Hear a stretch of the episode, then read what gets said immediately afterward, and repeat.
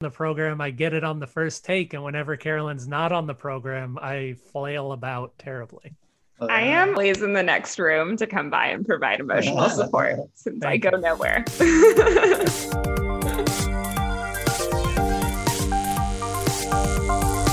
well, I'm not a crook.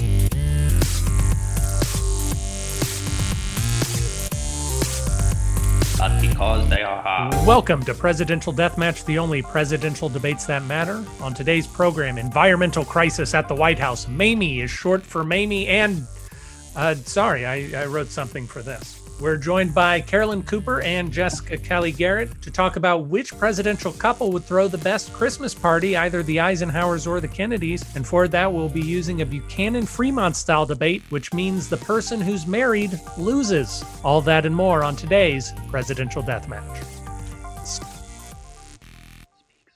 Happy birthday, Ma, from Aaron.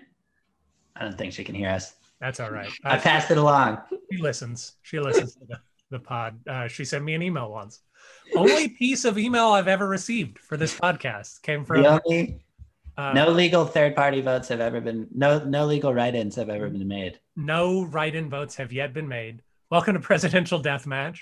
We are we're going to have a really fun show today because we are joined by two very special returning guests, Jessica Kelly Garrett and Carolyn Cooper. Yay. Hey.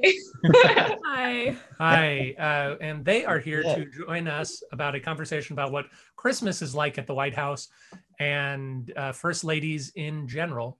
Uh, and I think they're primarily here because Carolyn invited herself and Jessica on for this topic a few weeks ago. I don't think I said that. I asked what other leading ladies were in either of your lives that would be appropriate to have this conversation with, and both of you had no answer. Yeah. Sorry, Jessica. No worries. Now I know that it was your fault.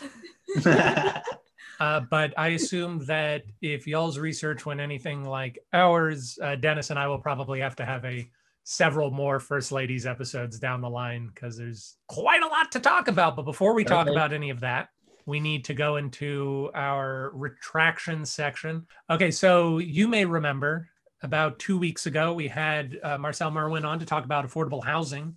yes. And one of the key things he was talking about was how it is important to engage your community with housing because if you don't engage your community, then the people who have the most money and the most free time tend to dominate their interests. And this has come to a head over the last week because I don't know if you read about this, um, but there is a small town in Florida that is getting upset at a resident that's moving in on January 20th.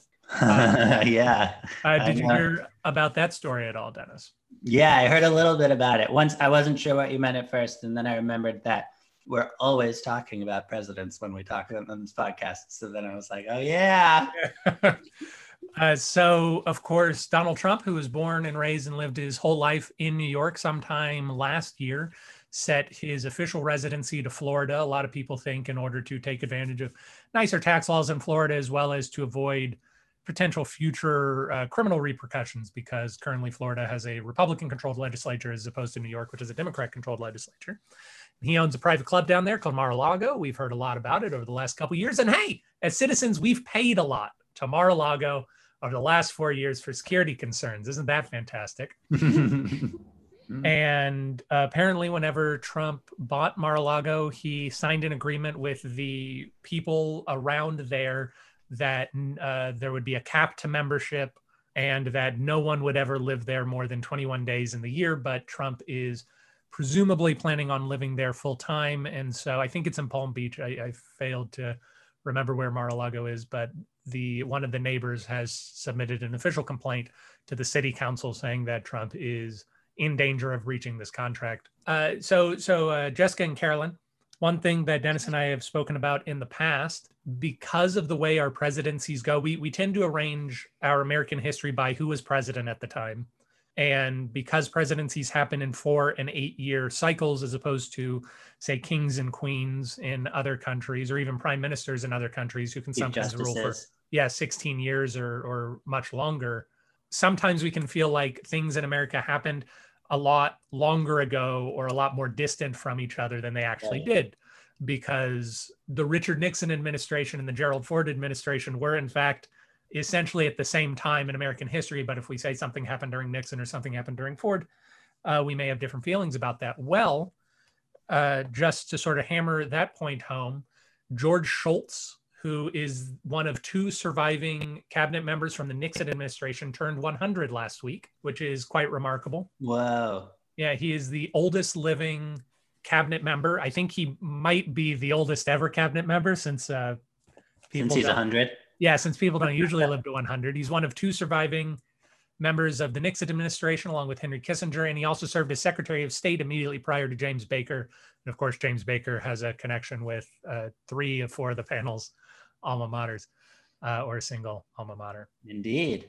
Uh, but lest you think that George Shultz simply uh, retired from his Secretary of State position in 1989 and then has no more bearing on our lives today, you would be incorrect because he sat for many years on the board of Theranos, which I'm sure, Yes. uh, which I'm sure Carolyn remembers. Uh, if Are you about to throw my uh, high school alma mater under the bus? Please do. no, does St. John's have a connection with Theranos? yeah. Um, so that's where she went to high school. So on like one of the podcasts um, about her, they actually uh, interviewed my high school physics teacher. Oh, really? Yeah, she's a, a good old Johnny. Oh my gosh, she's a maverick. She's Yeah, always she's been a maverick. She was a maverick with all these blood testing. She's a maverick now. But George Shultz, not only on the board for Theranos, but his grandson Tyler Shultz is the whistleblower who had things come to light. Oh, all right. Yeah. Well, it's a bit of a turn, a bit Yeah. of a twist. That's one of the main plot points in the book, Bad Blood, where you're like, oh no, it's going crazy. Would recommend. Tyler Bad Shultz. Blood is that uh, presume? Can you tell us more about Bad Blood? Yeah, that's the book that um, sort of documents the whole story, but it's very, I found it very engaging and well written. And it was all the twists and turns like that, where the, you know, the grandson like goes after, because I think he confronted him maybe at a dinner. I read this a few years ago, but like in person was like, something's wrong with this company. And his grandfather didn't take him super seriously. Whoa. But it like got into the tension of their relationships. Happy birthday to George Shultz. I'm glad that you made up with your grandson. Dennis, do you have any retractions? well, I guess I have a follow up from the Andrew Heaton episode because I, I was uh, at the Carolyn and I saw him this weekend. Could you, uh, but before you tell the story, could you remind everyone who Andrew Heaton is? Andrew Heaton from season one was that I believe. Yes. Uh, he's uh, he was it was what he, it was an interesting interview we had with him. We talked about whether there should be a uh, Royal Highness of America Indeed. and uh, um, and many other things. We spoke about the Whig Party. Yes, because he ran as a Whig candidate during the elect this last presidential election in a couple states, uh, mostly satirically because he's a he's a comedian. But uh, yeah, I was at a distillery that Aaron recommended to us. We picked up some stuff from there that hopefully my parents aren't listening through the door. Um, and uh, yeah, and I saw him talking about talking about the same kind of stuff as, as we talked to him about with a bunch of guys with cigars. And uh, we did not say hi. we, he seemed like he was in a, in a moment. Yeah. So we wandered on out of there. There was definitely like a group of men giving them his like full attention to his political arguments. Indeed. I am currently trying to see whether Andrew Heaton won any votes in Louisiana. Oh, Uh, so far, no. so Oh, far. no. Yes, it's it's hard to tell, but it does not look like any votes came through for the Whig Party, regrettably.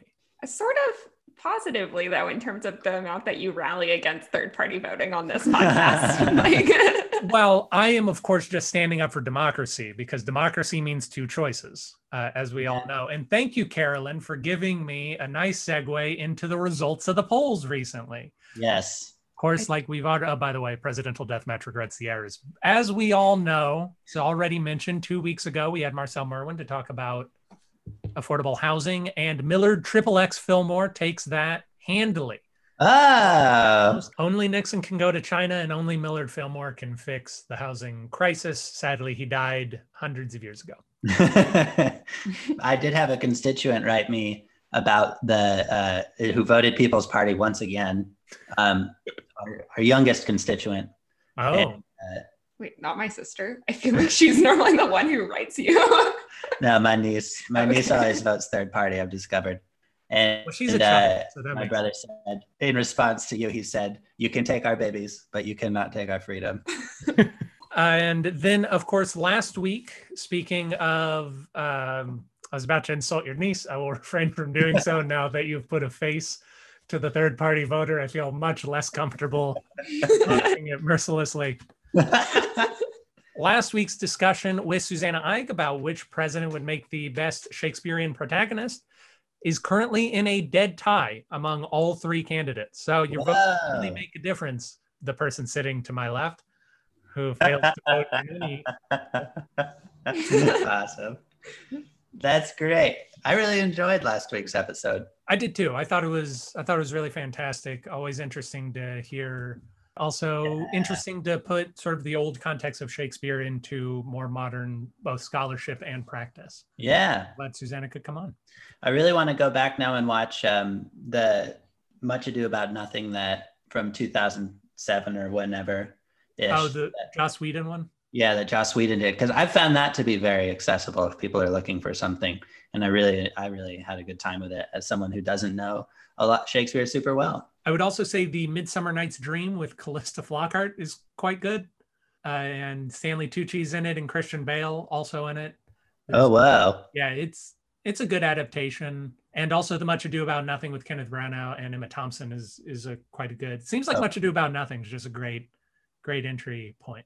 Before we get into our main topic today, we want to prime the audience a little bit for the people they're going to hear about. So, if I'm not mistaken, y'all have chosen the Eisenhowers. Is that correct? indeed, yes. So, would, could you tell us uh, a minute or two about the Eisenhowers?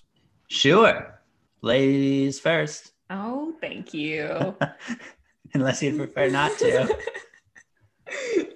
Um, I thought I kind of think like Aaron was saying earlier, I definitely was really inspired by the wealth of information on all these like White House websites about first ladies. But you can go first because I don't actually remember where she was born. If we're being Ah. completely honest, well to- to give a general context i guess for the for that time. So so uh eisenhower was president from 53 to 61 d. David eisenhower as we say. And he was born in denison texas but moved when he was just two years old. Denison of course meaning son of dennis. So there you go. Uh and lived in abilene kansas. And he uh his presidency is generally pretty well remembered for a lot of things happening. The civil rights act 57 interstate highways, uh, the space race kicking off. He ended McCarthyism, and at the very end, approved Bay of Pigs, and then that ended up happening during Ke- Kennedy's presidency. But um, also remembered for being the, Repu- the first Republican president after all of FDR and then Truman. So many, many first time in 20 years that there'd been a Republican president. So he really pushed for um, also trying to balance the budget and everything. And yeah, did pretty well. He was uh, before that he was World War One, World War Two um, really rose to the top in the army and all the rest. And then there's his wife, Mamie, short for Mamie, short for Mamie, which is an exciting name. She was born in Iowa. Oh my gosh, it's Mary. short for Mary. Oh goodness gracious, we're in trouble. um, so she was born in Iowa. They were introduced by a family friend when he was stationed, or like by one of his friends when he was stationed in Texas, and they met in like October, and he proposed, I think, by Valentine's Day. So very quick engagement. They were married at 19 when he was 25, and then she spent a lot of her life as a military wife, um, hosting parties for military wives, especially when they were overseas, and doing like outreach through that she was really seems like she was really well known for being a pretty like and i think in a positive way when i say this like a pretty like quintessential like 1950s kind of stereotypical like what we think of as like the ideal housewife. Like she would she really valued like the home and the family hosting parties. She has some really funny quotes about how you should keep your money away from your husband because men can't manage finances and so that will be the ruin of your home. She like wrote something to that effect in like a bride's today. While she was like all these stereotypical things, she definitely has some like pretty funny quirks that, make her very lovable and also made her pretty popular in the American public. Like uh, this one shade of pink she wore became like a very popular dress color and home decorating color. And then her millionaire or million dollar fudge recipe was really widely printed. So I think she's very well loved, apparently. She made loads from that recipe. Loads from the recipe. Uh, well, we are talking about the Eisenhower's immediate successors, the Kennedys, J. Fitzgerald Kennedy, as we call him, was, of course, president from 61 to 63. He was the 35th president of the United States, uh, ranked as the most overrated person in American history by a group of leading historians. Although he helped shepherd us through the Cold War a little bit in the Cuban Missile Crisis, and uh, in his name, many good things were done after his death. Uh, first Catholic to be elected president and uh, all around fancy dude, fancy fun man, which is what uh, our argument is going to focus on today. And he was married to. So, sorry, I like wrote something for this. Uh, so Jackie Kennedy was born uh, Jacqueline Lee Bouvier in Southampton, New York, which I was trying to find out more information on Southampton. And I think I remember reading, I don't know if it was like back then, but nowadays it's like one of the most expensive, if not the most expensive vacation spot in New York. Mhm. Um, don't quote me on that though. You might have to retract that later. Um, her dad was a Wall Street stockbroker, and her mom was, uh, from what I could tell, just a socialite. She graduated from George Washington University. I think she went to Vassar for a little bit before then with a bachelor's in French literature. She worked for the Washington Times Herald as a photographer, and while she was doing that, she met then Congressman John Kennedy at a dinner. Uh, they hit it off. Um, a year after that, he was elected to the Senate, and then they got married in 53. They had four children, only two of them survived to be adults. She became the third youngest First Lady in 1960 when her husband was inaugurated. And my biography stops with her at the White House. Uh, she's most well known for like for restoring the White House. So like in um I don't remember what year it was. I didn't write it down. Shame on me. But before she lived in the White House, she visited it as a tourist with her mom and sister. She was appalled because they didn't have like any sort of like booklets or literature about like the history of the mansion or any like information and all of the like furniture and furnishings and stuff were very like they basically I think there was a quote from her somewhere that it was like not something that you would want to put in your house basically and none of it was original and so one of the things that she's really well known for is she kind of tried to restore it back to like its original grandeur and um, that was really important to her she was really into like history That's cool. Yeah. That's really funny. Mamie had very similar hot takes on the White House because it was renovated, I think, during Truman. And then Mamie got it and was like, oh, where's all the furniture? Like, don't you have antiques? And so it sounded like she spent a considerable portion of her time in the White House also just being like, aren't there nice things that we could put in here? Like, where are those things? Where is my budget for this? And so I think it's good that they brought that focus back to like saving nice things from American history and like putting them in a place where they're safe. Yeah and we're gonna probably we're gonna bring it up again in our argument later on but during the kennedy administration a law was passed that presidents could not take furniture from the white house for their personal use which used to be the thing they would do is after they were president they would take the furniture they liked back with them That's funny. I didn't know that that was more than just the the Clintons. so many people so many people. Well we're here today to talk uh, originally we were going to talk about first ladies but there's so much information about first ladies and so much information about first ladies at christmas. So we might get stuck just talking about first ladies at christmas but uh, very briefly to describe the role of first lady. Uh, first lady is an unpaid position in american governance uh, that was made out of largely necessity she is uh, currently all she. Uh, she is usually the wife of the president, occasionally a niece, a daughter, or daughter-in-law if the president uh, is not married at the time of his tenure, or as with the case of Franklin Pierce, his wife has gone uh, very sad and doesn't want to do anything. Hmm. But the first lady is generally considered, uh, I would say, the um, maybe even the soul of the nation. That could uh, that might go a, a little far, but she is often looked at uh, in order to make the White House a home. She sets the White House social agenda, which is a, a pretty big deal that we may or may not get into now, or we may save for a future episode. And since Jackie Kennedy, but also since uh, Lady Bird Johnson, uh, even more so, the First Lady usually picks a pet project or pet cause that she will work very hard on. And as the presidency has grown in its executive responsibilities, so too has the First Ladyship to the point now where every First Lady or first spouse, if you prefer, has a chief of staff, has a press agent, has their own office with their own legislative affairs. Also, who aren't paid. Please don't slander their personal offices like that. Um, I'm gonna get some emails this week on that. Gosh, I hope so. Uh, if anyone wants to email us about anything, contact at pronoiatheater.com. But where uh, would any of the three of you like to begin our conversation today about First Ladies or First Ladies at Christmas? It's uh, have a really funny that anecdote that relates poorly on my first lady, but it's of our two first ladies interacting. Apparently, Awesome. when Jackie came to visit, like after they'd won the election, she'd like really recently had a C-section because she'd like, just given birth. And Mamie took her on this like extraordinarily long tour of the White House, all standing up. And like, so J- like Jackie gets back to her home and is like, like collapses or something. That's melodramatic, but you know, it's like super tired. And all of her later biographers were basically like, why didn't you like offer her one of the White House's hundreds of wheelchairs? Like, what were you doing? Why are you receiving? She was just like, oh, because she never asked. And just like, apparently there was real life tension between these two ladies that can translate to this podcast today. Indeed. Uh, one uh, story that I thought was interesting. Jessica mentioned that Jackie Kennedy was the third youngest first lady. The youngest first lady was Frances Cleveland, and she became first lady at the age of 21, which is Yeah. ridiculous. I suggested to Jessica that maybe we wanted to argue in favor of the Clevelands this week, and Jessica said, "Do you remember what you said?" No, Oh, Jessica said she's 21. She didn't know anything. I mean it is true. yeah.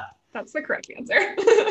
Was was John Tyler's second wife the other youngest one? I would assume that that John Tyler's second wife would have been about 26 to 28 when she became first lady, but That was because I thought about her too, and and similarly that was rejected because she. Similar grounds. Yeah. I did not want to talk about. 'cause apparently all she did was party. well, I mean, why not when your husband's that old uh, and hated by the country?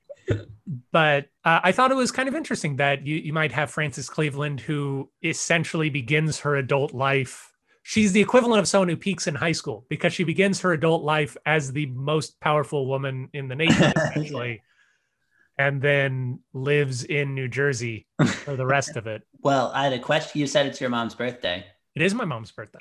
Happy birthday. Thank you. Was she perchance born? Happy birthday, mom. I don't think she can hear either. She's about 100 miles away. uh, was she perchance born during Kennedy's uh, presidency? Because my mom's birthday was yesterday, and she was born during Eisenhower's presidency. My mom was also born during Eisenhower's presidency. All right. Well, that would have been cool. we'll take them both. Yeah, yeah. Um, yeah, my mom uh, was born in 59. So, Same. Wait. Okay. They're the okay. same. So your uh, mom's a day older than my mom. then. Yeah, they're almost exactly the same age. Have fun. this is a great revelation for everyone. Ah. What, how fun would that have been if I'd started with just what year was your mom born? Then we could have been like, how great. And instead it was just hugely disappointing right up till the end. yeah. Well, you know, that's uh, that's a presidential deathmatch way. uh, I feel. Uh, pivoting to the White House at Christmas, Christmas is perhaps the biggest holiday in America. You know, we might want to say that Fourth of July is bigger, but I really think people have fonder memories towards Christmas. And people go bananas. We try not to swear on this program too much. So I'm sorry for invoking such strong language as bananas, but people go bananas. Uh, there was a anecdote about Barbara Bush's first year in the White House and the head florist for the White House, whose name escapes me, came to Barbara Bush and said, "What theme are you thinking of for for Christmas this year?" And Barbara Bush said, "It's not even Easter yet." And then the florist said, "Well, because of the inauguration, we're already behind." I definitely went down an internet rabbit hole on looking at all the gingerbread cakes they've made over the years. Mm-hmm. Because there was one, because we aren't doing, yeah, there was one that had 26, I want to say, miniatures of the Clintons' ca- cat socks around this gingerbread White House. And then at some point, they switched to making them like of white chocolate. So it, there was one where they had a bunch of like presidential pets, pets from years past, including Dennis told me that this one's false, but they had an alligator, I guess, for John Quincy Adams and a bunch of like Caroline Kennedy's pony, all these other things. So yeah. it's just a lot. It's a lot. That that's amazing. I didn't look at any past gingerbread houses. Um, I only saw the last two years, and they are boring AF. It is literally the White House in white, whatever it is, maybe it's white chocolate ganache, whatever. And then the I think the only color on the entire thing are these like tiny green wreaths. And it t- I had to rewatch the video because I was like, it said it shows the gingerbread house. I'm not seeing the oh, that's supposed to be the gingerbread house. I think uh, Jessica wanted to take a little bit of time to join the rest of the nation in piling on Melania Trump uh, for Christmases past. Jessica, would you like to elaborate on your feelings of the last three Christmases at the White House? Yeah. Uh, so if you guys haven't gone onto whitehouse.gov and watched any of like the little videos, these weird videos that they've put together that I, it took me the first one I was like this isn't really telling me anything. She's oh okay by the third one it's it starts it opens with the same thing where she's just staring at the Christmas tree and here she's like folding a bow. Anyways, but they are just like I had to look up the themes of each of the years because I couldn't tell what the themes were. One year I was like is it cranberry Christmas trees? I don't understand yeah. because it just looks so cold and yeah. boring and lots and lots of LED white light LED, white LED. Wow, that's a mouthful. White LED lights. like like just cold, horrible hotel lobby.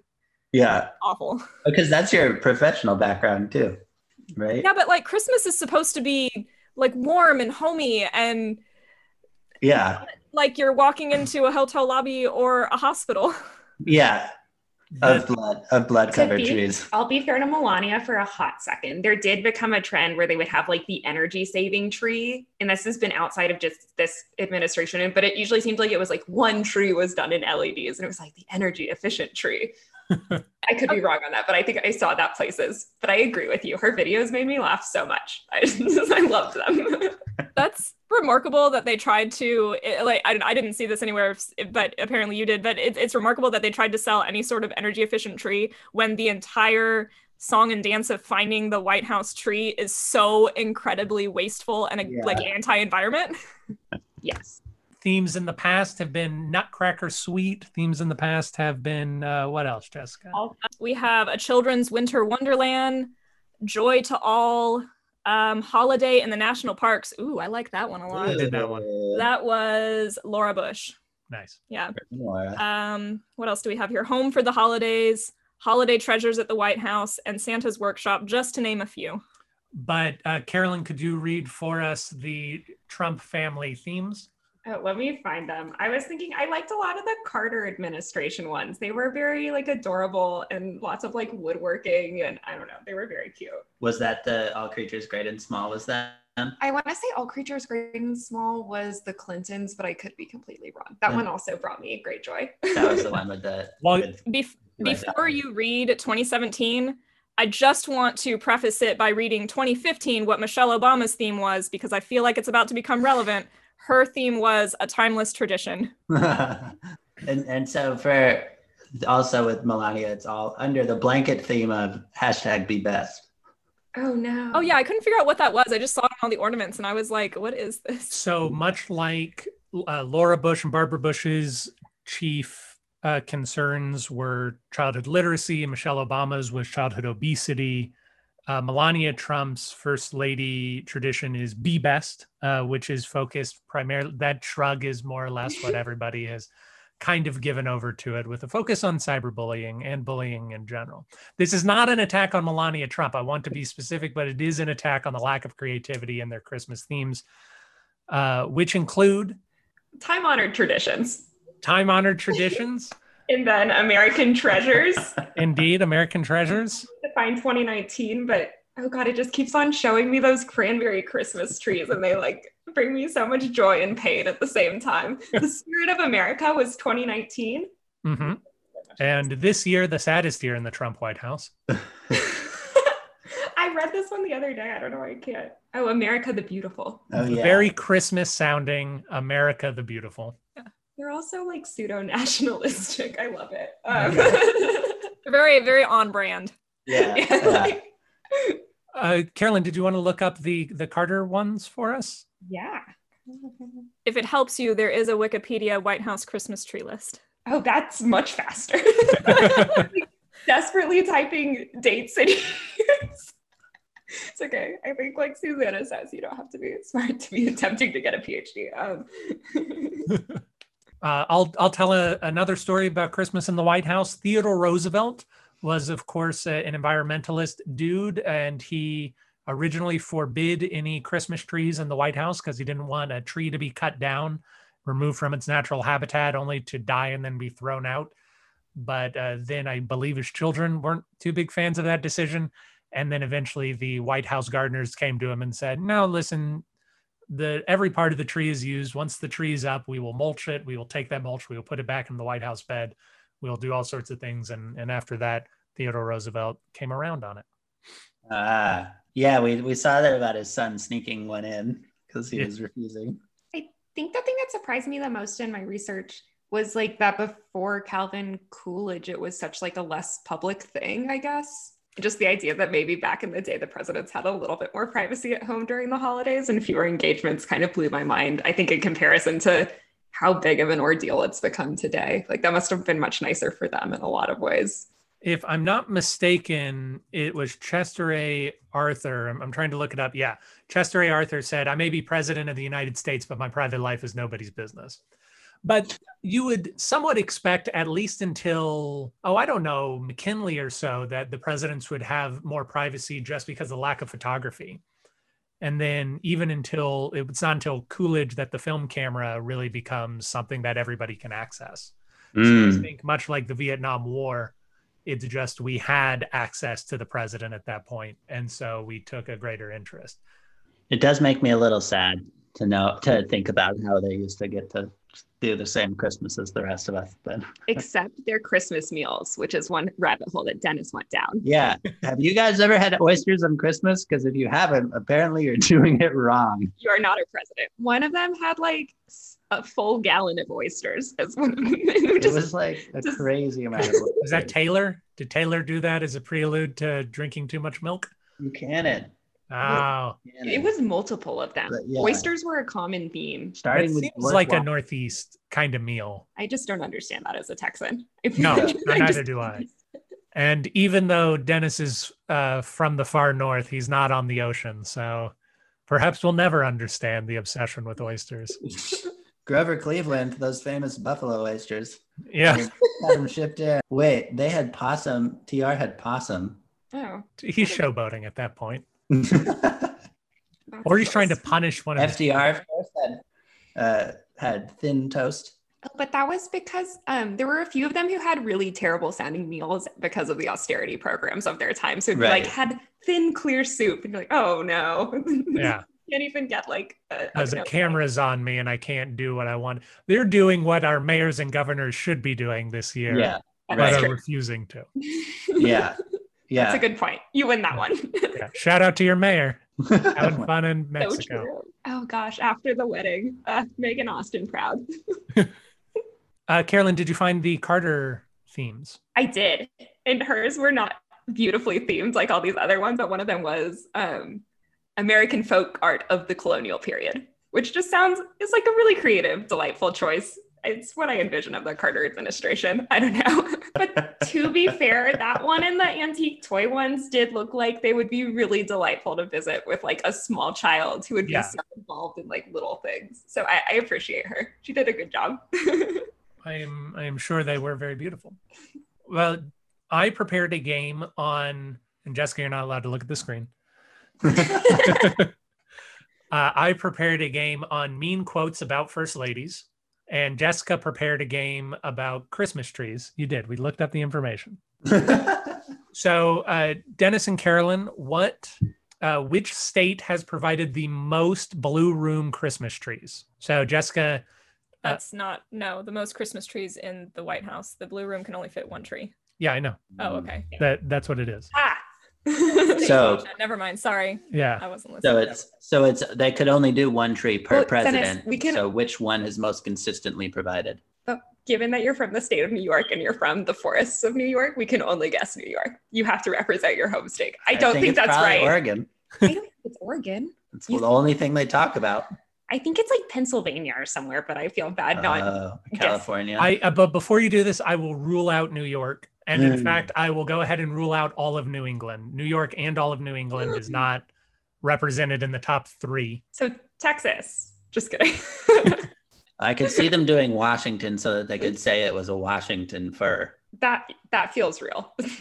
All right, so y'all are saying Washington. 'Cause the big Washington is one- not represented in the top three, but I believe it is number four or number five. It was on. the Ah, list. Is it like Idaho? because the big one in New York is called is called a Douglas fir, and I feel like they'd get in trouble. Oh man, I I, know. just had the Wikipedia. That'd be a good choice. I just had the Wikipedia page open that had this information on it. Well, I should we will. I will further say that all of the all of the top three states come from east of the Continental Divide, Oh, which is oh. Idaho. In case you don't happen to uh, know where the was Continental say, is that Mississippi? Wait, so was my guess of Idaho reasonable? Uh, it may be reasonable, but you didn't guess it, so I can't tell you whether it's right or not. Idaho. Idaho. It is not Idaho. Ah, Dang it. but you were almost correct when you said Pennsylvania. Pennsylvania is number two with, I believe, eight trees. The Oh, state that has provided the most trees, surprisingly, North Carolina. oh, because it's close. And Ah. Texas has provided none. Texas has No. provided none trees. so we're winning because we didn't cut our trees down for that. Yeah, for filthy. For that. I think Texas does such a beautiful job at Christmas time with the live oaks. I think that's as fun, if not more fun, than anything that they do in colonial America, where I was raised. You have to throw your area of the country under the bus. So I have a list of the first lady. Occasionally is given is oftentimes more popular than the president, but subjected to a lot more negative press. Uh, unfortunately, most of the places I tried to find what they actually said about the first ladies, all they said was, "Yeah, the first ladies were subject to negative press," but they didn't say what it was. But I found a few quotes. Jessica doesn't know these quotes. Neither do y'all. So all three of you can talk it out, ask some questions. This is, uh, you need to tell me which first lady this quote is about. I detest the president so much, I don't even think his wife is beautiful. No. What's that sexist nonsense? That's a good question. I think I think you told me this one. I wish I would have been listening. Kennedy, right? it does feel like something they would say about the Kennedys. Is there any clues about who said it?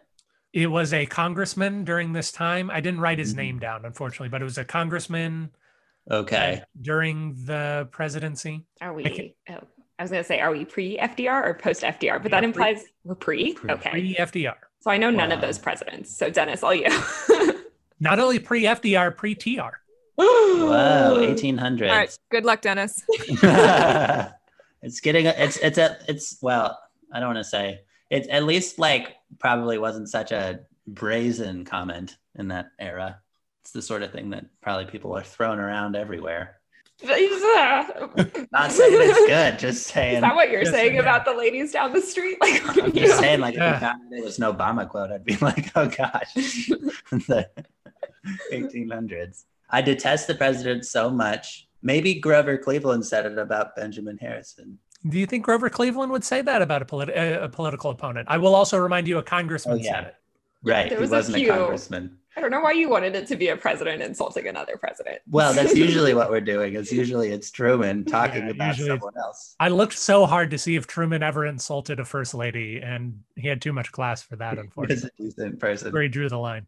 Dennis, I'm going to interrupt you because we got a few more. Uh, you were you were right. You were right there. It was said Never could. about Frances Cleveland. Ah, did you hear me throw in the guess right before you said it? I'll take it. Okay. No one heard it. No one. Uh, okay. This next quote, a first lady said it. Which first lady said it, or which president was it of? If you don't know that first lady's name, the family treats me like like a thing, like an asset, like Rhode Island. Was it Eleanor Roosevelt? I A lot like of them had really unhappy marriages, though, which I think has been the saddest thing of learning more about them. Is like the number who's like, yeah. we're not well treated. And it makes you wonder if it's like because of them being first ladies, or if it's just because it's a random sampling of. of men Women in from America. history. Oh no, I was saying of men in America, Yeah. not their fault. I think it's a combination of Both of those things. wives wives are a parti- are a set of the package of what you need to be a successful politician uh, and also the presidency is kind of a terrible life Yeah. yeah. Uh, I think that was a good guess.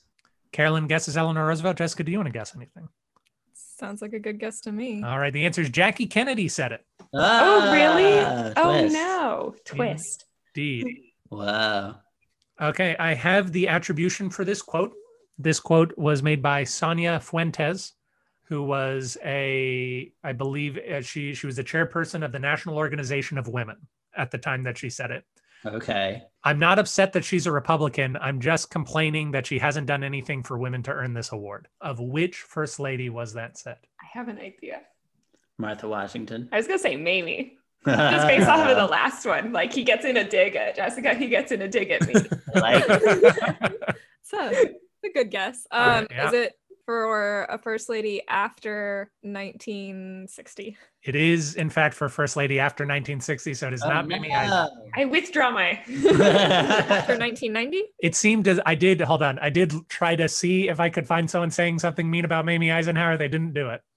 Ah, delightful. Everybody was just very happy with uh, with old grandma. Uh, I didn't hear your last question. I was asking uh, after 1990. I am not going to answer that because there is only one Republican first lady or two after 1990. That was a good question. Fair that was a great question. Well, I'm leaning towards.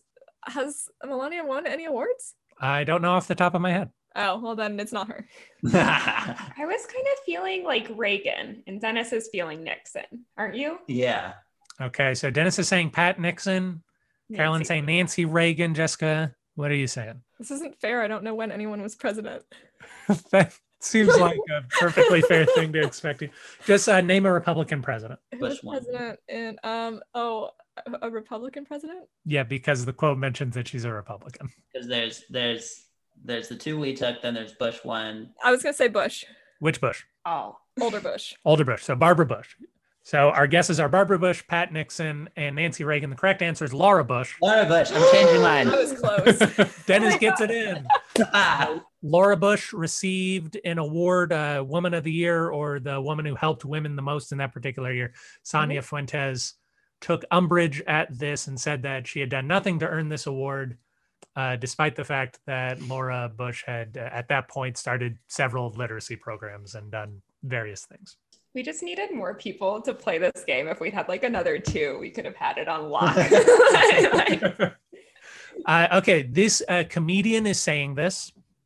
So I will tell you that if it helps ameliorate any feelings you have about the quote. Here's the president looking for something, anything to hug besides his wife. That's so hurtful. He was saying it while like doing a PowerPoint, Yes, essentially. essentially. Are TED we- talk. Are we like post 1960s? Probably. We're post 1960. We're post SNL. SNL and later. I'll say. Oh, okay. In fact, I will go so far as to tell you this joke happened on SNL. yeah, I was gonna say it seems like a, That feels, yeah. a weekend update. Wait, what are we guessing? Is it who it's about? Yes, of which president or first lady? Um, it was. Jessica looks like she knows. Oh, you know. No, no, I I don't. don't Don't don't rely on me. It. I was gonna guess that it was. I'm thinking in terms of the SNL people that, that did Weekend Update. I feel like it was like Norm Macdonald or or the Dennis one, Uh, Dennis Miller. Dennis Miller. Are the, was one of those right? Yes, Uh, yes, it, it, it was one of them. So that narrows us into Do you know the years they were on SNL? uh 80s, 80s 90s. and 90s. Okay. So we've narrowed it down. Reagan, Bill Clinton. Clinton. That's what I was gonna guess. That is correct. It was said of Bill and Hillary Clinton. Congratulations. There is a a lengthy YouTube clip of all of Norm Macdonald's jokes about Hillary Clinton, and it is startling to watch. We are not quite done with the game. We have one more quote. Which first lady said this? I think I am more like a state prisoner than anything else. That makes me think Michelle Obama, but that's mostly because I really like her story about trying to escape the White House. that's solely based on that. What's your thoughts? I feel like that's a pretty good guess. All right, Michelle Obama. Yeah, that works for me. I feel like I saw this come up in my research, but I don't remember, so I'll I'll go with what they say. I will say it is before Michelle Obama. Laura Bush. Just kidding. Uh, Can walk backwards. It could be. I mean, it could be all the way back to Eleanor Roosevelt, since none of them have turned out to be her. Is it that far back? Sure, it's before Eleanor Roosevelt. Uh, Oh, I was very off. Martha Washington. That is correct. Martha Washington is quoted as Yeah. saying, I feel more like a state prisoner than anything else. Oh wow. no. That's so sad. It's been that way because Michelle Obama said the same exact thing. yeah, she had a very similar story about trying to like get out and how hard it was, even like for the smallest moments with her kids, just to be like, no, no, we like need to go out. Crazy. Uh, when we come back, when we come back, we will debate which president would throw the best Christmas party, either the Kennedys or the Eisenhowers. Don't go away. Everyone, we are back. We are going to debate which presidential couple would throw the best Christmas party, either the Eisenhowers or the Kennedys. For chronological reasons, Dennis and Carolyn, why don't you begin? Throwing the best Christmas party. Uh, we believe that the Eisenhowers uh, would do this today, did this at the time. Uh, and there's a number of reasons that that's the case. It was the 50s, uh, and that, that was a time when uh, things were getting a little socially looser and more inclusive, but that at the same time, it was still a time of a lot of class and a lot of, uh, pomp and circumstance. So we felt that that was already very fitting. Of course, not far off from when the Kennedys were around. Uh, but we also feel that the Eisenhowers had a strong commitment to decoration and decor, as well as pageantry. Um, commitment, of course, being one of the the Eisenhower's big things uh, as someone who committed to the to the military for so long and just kept at that until he was at the very top of that. Mamie too, like despite a lot of hardship early in their marriage, they stayed very committed to each other, and uh, and she was a very committed first lady. May I speak? Yes, Oh, awesome. you can go. So Mamie strive to create inclusive and productive gatherings. During her time in the White House, she hosted a number, a record number of heads of state in the post-war. The first world leader of African heritage to come to the White House, but I think most importantly, um, during the McCarthy scandal, she actually wouldn't allow him to be allowed, invited to White House dinners because he was too divisive, and he knew that um, I she knew that Ike couldn't do that, but that she could, and nobody could really get annoyed with her. Um, and her focus on another important part of a gathering, like Dennis kind of already mentioned, is the location and the setting and the decor. Um, and so Mamie initiated the first Halloween decorations at the White House. She decorated staterooms for most holidays, including like Valentine's Day, St. Patrick's Day, and she would pipe music into rooms of the White House.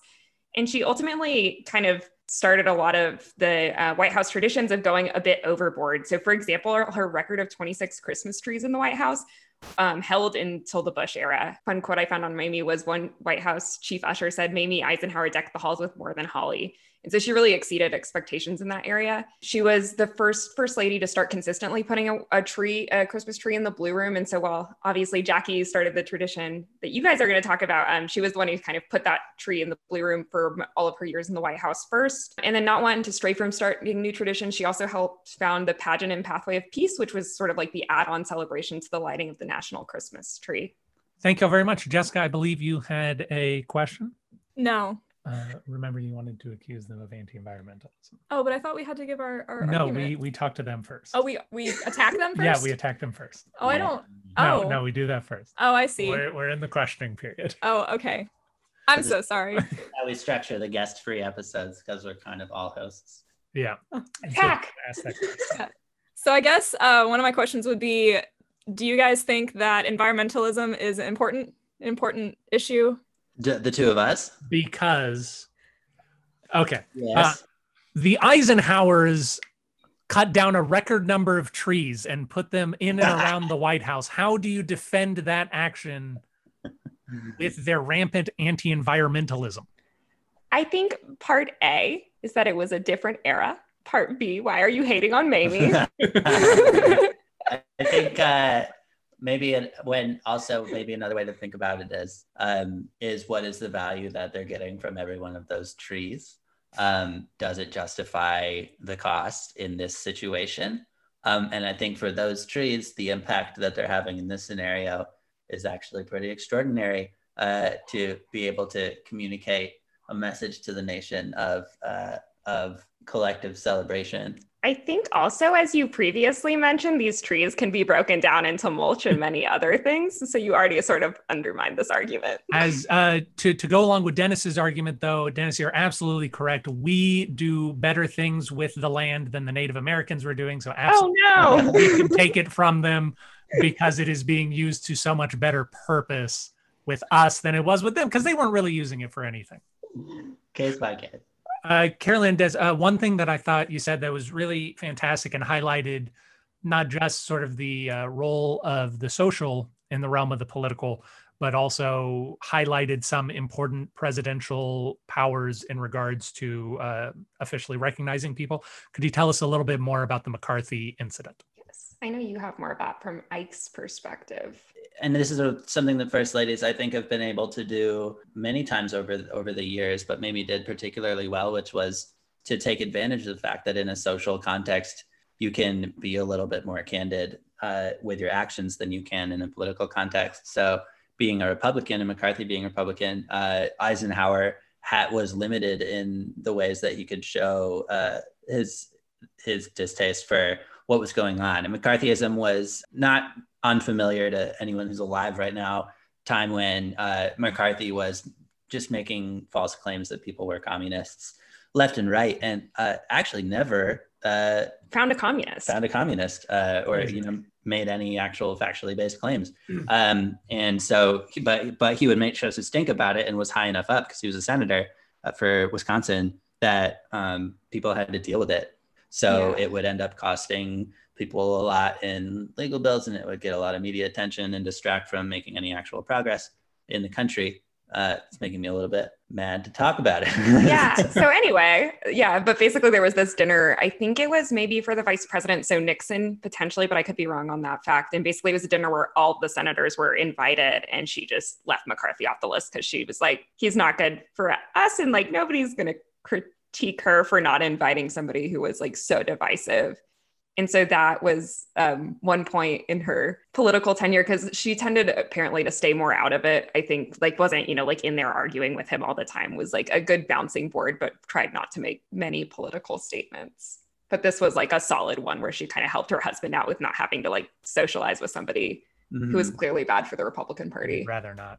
Yeah. yeah. And I like how it kind of like, to, I like thinking of gatherings in general, but like the, the book, The Art of Gathering talks about that Carolyn read that they should always have a purpose that you should be clear about what that purpose is going into it um, and let that direct the way that things work. And by not inviting mccarthy in that instance i think it's a reminder that like what first in the white house what a party can serve for is is a time for everyone to come together and remember that they're all just trying to create the best future for the nation. And you're only invited if you're if you're part of that and that's part of your and you're part of that collective purpose um, and most of the time, that can be pretty much everyone, and they can come together and remember that despite their differences, uh, they want the same things. Yeah, because that really came together. I don't know what Jackie's numbers look like, but um, they were saying that like the Eisenhower sent out 3,500 to 4,000 Christmas cards every year. And I was like, oh my gosh, that's so many people. environmentalism flag. So please don't get on me for that. But I think but they, they used the previous year's trees to make the cards. Make the cards yeah but just trying to like reach out and like bring people in sort of to the gathering into the spirit to create a political future. Jessica do you have any questions for them? Okay then no. i will end with this. Uh, dwight eisenhower and mamie eisenhower have been accused of being real boring some old stogies uh fuss burgers on occasion not with it, not hip, Squaresville. All of these things have shown up in my research. Why would I want to go to a Squaresville Christmas party? I think that the reason it would be delightful to go to a party with Mamie Eisenhower is because, from what I read, her abilities, sort of like as a homemaker and as a host, were just like phenomenal, and she valued them a lot. So while she did some of these trends like Mamie Pink or Millionaire Million Dollar Fudge or you know starting some Christmas traditions, she took a lot of time for like the people who were actually in her life and in her circle. So apparently she would order really fancily decorated cakes, like even for staff members and like domestic staff members at the White House. Um, she would clip coupons for people in the White House because she was like in such a practice of being a coupon clipper from being a military wife that she just like kept that and would like give them to staff members and be like, oh, I found this good one. Like, please take it. And so I think, well, maybe she was like a bit of a grandma. She sounds like a grandma who you would like love to go to their home and like be a part of that warmth. And apparently she was she was jovial and also had a little trouble with her balance. So people always yeah. thought she was like deep into the deep into the partying. And yeah, uh, there was I, a rumor that she was an alcoholic, but it's actually because she had like a disease. and then Ike, of course, is known for uh, making gin and bathtubs. Making gin in bathtubs. yeah, true. military days. So he, he knew he knew how to He knew how to party. That special Ike gin, and of course, I don't want bathtub gin. looking at, and this is maybe maybe a little not convincing, but looking at like the Mamie Pink and and the I like Ike, and then apparently I like Mamie too was a big thing during their campaign. That they knew how to get make a collective uh, brand around them and and build that up. I also learned that Ike, Ike was the third of seven kids, uh, and he but they were all Ike short for Eisenhower. And growing up, there all of their nicknames were Ike. It was Big Ike and Little Ike, but he was the third one. So I don't know what he was, Ike three or something. But I found that very amusing. Uh, we move on from the Eisenhowers to the Kennedys. Jessica? So at the end of the day, a Christmas party is still a party, and people want to go to cool, fun parties. When we think back on presidents, few couples are as glamorous and iconic as the Kennedys.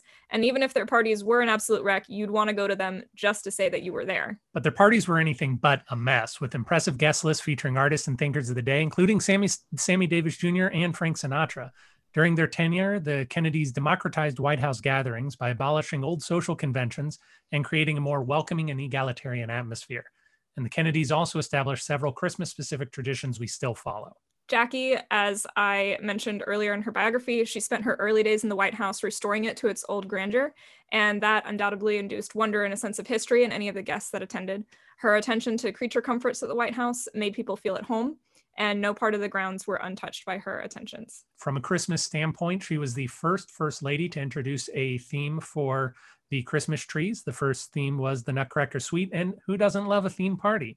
She brought the Nativity creche to the forefront of the Christmas decorations, and it is still prominently used today in between the portraits of George Washington and state prisoner Martha Washington. uh, in their second Christmas at the White House, Jackie chose a bright uh, gingerbread theme um, which included ornaments made by the elderly and the disabled craftspeople from all over the country.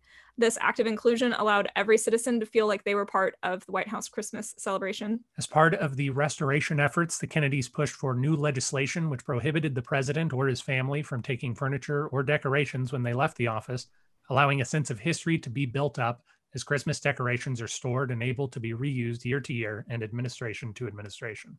So, overall, a party at the Kennedys is going to be a social event to talk about. A party of Jackie Kennedy's is going to be a welcoming event where you feel taken care of. And a Christmas party at Jackie Kennedy's White House is going to be a wondrous event that must be beheld to be believed. Fun. So, they were, was she Catholic as well? I believe she converted, yes. She converted. the classic nativity scene. I, we, my, we're Catholic, and my mom, it's like the most prominent thing in our Christmas decorations. yeah, they they made a note of saying that you rarely see such religious imagery in a lot of American government stuff, but for Christmas, they sort of make an exception. But there, but so there is always an element with the Christmas stuff of uh, of religious inclusivity, or at least I feel like that was something with the Eisenhowers. Was that something that they tried to make steps forward with too, being the first Catholics in the White House? Yeah, they they actually were the first people to institute an annual Christmas party for all of the foreign dignitaries and their children, and everyone was encouraged to wear whatever their nation's celebration was, and to bring those traditions with them to the Kennedy White House. Cool. Do you have any other things? I have I have some other things. You can keep going. Um, Jackie and JFK, I think that came up a little earlier that they didn't um, sometimes uh, have a good. They had some troubles. JFK had some visitors. yeah, yeah, he had some night visitors. Sure. Does one fear that when the when the hosts uh, I think that's, I think that's awesome. are, are, you going to ask about uh, an argument happening at a Christmas party? Is that where you're you're driving this towards, Dennis? Or just that the if the chemistry isn't there between the hosts, oh, end up trickling down. Oh, I thought you were gonna like accuse it of being like a swingers party or something. I was very scared where you were going. I don't think our listeners would like vote for us if they thought the Kennedys were throwing a swingers party. That's true. That's true.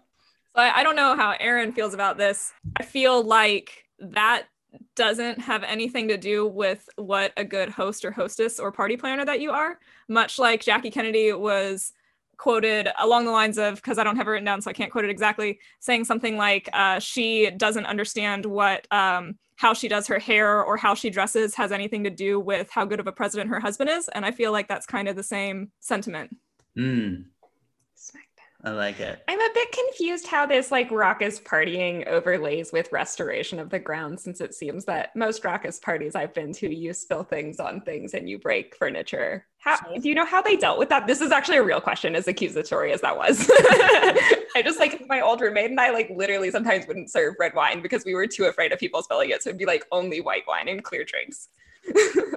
So I wouldn't say things are raucous so much as lively. Mhm. Uh, first of all, just the these are not um, people being driven to drunkenness so much as just plain old merriment. it, it was more like um uh one one thing that was mentioned is just that they were a little more light like you were allowed to smoke in the staterooms which obviously today we would not allow that but it, at, at the time like everybody smoked you were allowed to smoke inside. Uh, they served cocktails um, and they didn't have anything formal like receiving lines or anything like that. So it's more that as opposed to people are hanging from the chandeliers And I, I also imagine that if you are working in a place that has a chief florist who is working on Christmas from before Easter, that there's a fairly significant cleaning budget that uh, that Red can be- wine stains. You know what? Just get rid of the carpet, add some more. We're renovating this place. We're restoring this place. She didn't like the word renovation, Jessica. Restoring this carpet. Uh, it's gotten ruined over the year, over the weekend. I mean, years. um, I this a little bit of a of a hypothetical to throw you to get a sense of this. So when when I was in college, we threw a Christmas party every September. That was uh, always really fun time for us. But uh, there was a couple of things we did that I think really helped hype it and and get get people really engaged. One was uh, playing Feliz Navidad all day in a special edited version that had no beginning or end, so it was just an infinite loop. And the other was selling uh, selling T-shirts and and hats, Santa hats, uh, to raise money for it, but also because then everyone throughout the week was investing in coming to the event and getting excited for it. So I think that is like a moment uh, with any party that can be really effective. That getting that invitation card, you know, those kind of things that get you and sending an RSVP, those things can really help you get interested. I'm curious what the Kennedy's version of that would be. And then the other moment that I think was always really good is once the party was really rolling, about halfway through, Santa would always come and everyone would rally around Santa and then he would disappear again. And that's a moment that I've seen at, at many at many events such as that. Like I also call it the honey butter chicken biscuit moment where like all of a sudden honey butter ch- chicken biscuits appeared. Everyone's like, oh my gosh. It's you know, it's like the the midnight moment where you're like, oh, the party's still going. Like I'm having such fun. Kind of the turning point moment where you're like, oh, now we're on the downhill slope. And I think that can also be a real key moment to get everyone into their second win. So I'm curious what you ha- what would the Kennedys versions of those two moments uh, look like, or those two things? Before we answer, I do want to tell the listeners that you cannot vote for Dennis Buddy and his first lady, Andrew Stout, as the winner of the Christmas party. I just want to, it sounds like he's campaigning hard because uh, I would. It was a great Christmas party. They'd start playing that at like literally Feliz Navidad at literally like six or seven in the morning. It was horrible. I mean, it was great. It was horrible. Jessica, do you want to talk about the first moment? No, Jessica does not want to talk about the first moment. Uh, so, in regards to sort of building people's anticipation for the event, Jackie Kennedy did custom watercolor invitations for her two Christmases in the White House. She only got two before uh, something happened. But that I think Something happened. yeah, just uh, you know they don't like to talk about it, but a thing happened uh, like a month before Christmas, the third Christmas. um, Not our wedding days. but she she custom designed and did custom watercolor paint uh, of her own paintings and sent those out for her christmas cards uh, i of course believe in quality over quantity so i don't know whether she sent out 4000 cards like the eisenhowers did um, but at the very least the the designs are quite nice and i think that would help people build up there isn't a lot of record there are a lot of pictures of white house parties but I think the press was enjoying them too much to say exactly whether there was something big that happened. Of course, the White House is known for various party favors. Uh, so there's food everywhere. There's the gingerbread men and women everywhere. Uh, I don't know off the top of my head if uh, Jackie Kennedy invented the honey butter chicken biscuit. So I'm afraid I, I do not have a great answer for that that second half of the question. Do y'all have any other questions, or should we move on to the People's Party candidate? We're good. Yeah, we're good.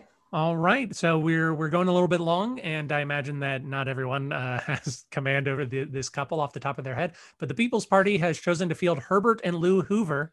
Oh, Oh, I read positive things about them. I don't remember them, but Lou seems like a delight. Carolyn loves the Hoovers. I love the Hoovers. Lou- Engineers. The Hoovers and Lou Hoover do seem fantastic, but the, the Hoovers were a really spectacular couple that waited to get married until after Lou graduated college, and then they immediately moved to China because he was a he was an engineer. Yeah. and they both they were both there during the boxer rebellion she seems particularly accomplished at all kinds of things. Their christmas is of course slightly marred by the great depression. Their first christmas in the white house they set it on fire. And by they set it on fire i mean somebody set it on fire. But the white house was set on fire after they uh, turned the lights on. They i believe began the tradition of lighting the christmas tree with their kids which are the grandkids, which Fun. is yeah. And Lou Hoover seems like uh, someone with few close friends, but uh, the close friends she has, you're going to go on a lot of adventures with her. So if you can get into the Hoover's inner circle, play some Hoover ball, you're golden. Yeah. Yeah, they Hoover Hoover I always I always get pretty serious and grumpy vibes from. Why But are I you, get- you're just stereotyping engineers. Stop it. Well, I mean, just kidding. You can continue. I was just I just don't like the slandering of Hoover. I'm more going off his picture. Okay. Hmm. So he's great. Oh, wait, this is very adorable. According to WhiteHouseHistory.org, the Hoover grandchildren hosted their own Christmas party at the White House where they invited 200 friends who were asked to bring gifts to donate to children in need. Just like very delightful. See, making a comeback. Y'all didn't bring it up, but Mamie Eisenhower did something similar, Yeah. which She's is nice. Yeah. We should uh-huh. Uh, but the Hoovers seem like a quieter Christmas party, yeah. but not- Smaller. yeah, but not a terrible one. But n- yeah, yeah, like a what maybe one that maybe one that starts with people just kind of gathering in a den around a, a fire and chatting and then kind of builds up to a to one where there's a lot of small circles of really enjoyable uh At some point, at some point, everyone's around a piano singing Yeah. carol together. Yeah. Yeah, very beautiful image. yeah, and it, uh, Especially since one of the story, one of the facts was like their New Year's Eve hat party had like 5,300 or 6,300 people at it. So Oh. Sort of a, a slightly different. well, New Year's, I mean, that's a different story. Yeah, New Year's is a different story. I did notice that Lou Hoover stopped the tradition of having a New Year's reception, perhaps after all those people, because her first year she had a New Year's reception. Her second year she did not. Or Okay, so back to the original vision where she was forced into that and then disbanded it due to her power as first lady. I don't have to do this. But whoever you would like to vote for, as long as it isn't the Hoovers, you can do so at the link that you find in the description below. Carolyn and Jessica, thank you for joining us today. Thanks. It was so great to be here. I love spending this time with you guys. Aw. Yeah, it was really great. It was fun. It's very lovely. Uh, Dennis and I are going to have one more episode before the end of the year. We'll release on December 31st, and we'll be talking about 2021 and which Indeed. president. Uh, we'll be talking about presidential, uh, the interregnum, the Mm. time in between when a president is elected and that president takes office, Mhm. and how the American people have felt about it throughout the years. Also a part of the body, but not one that we talk about.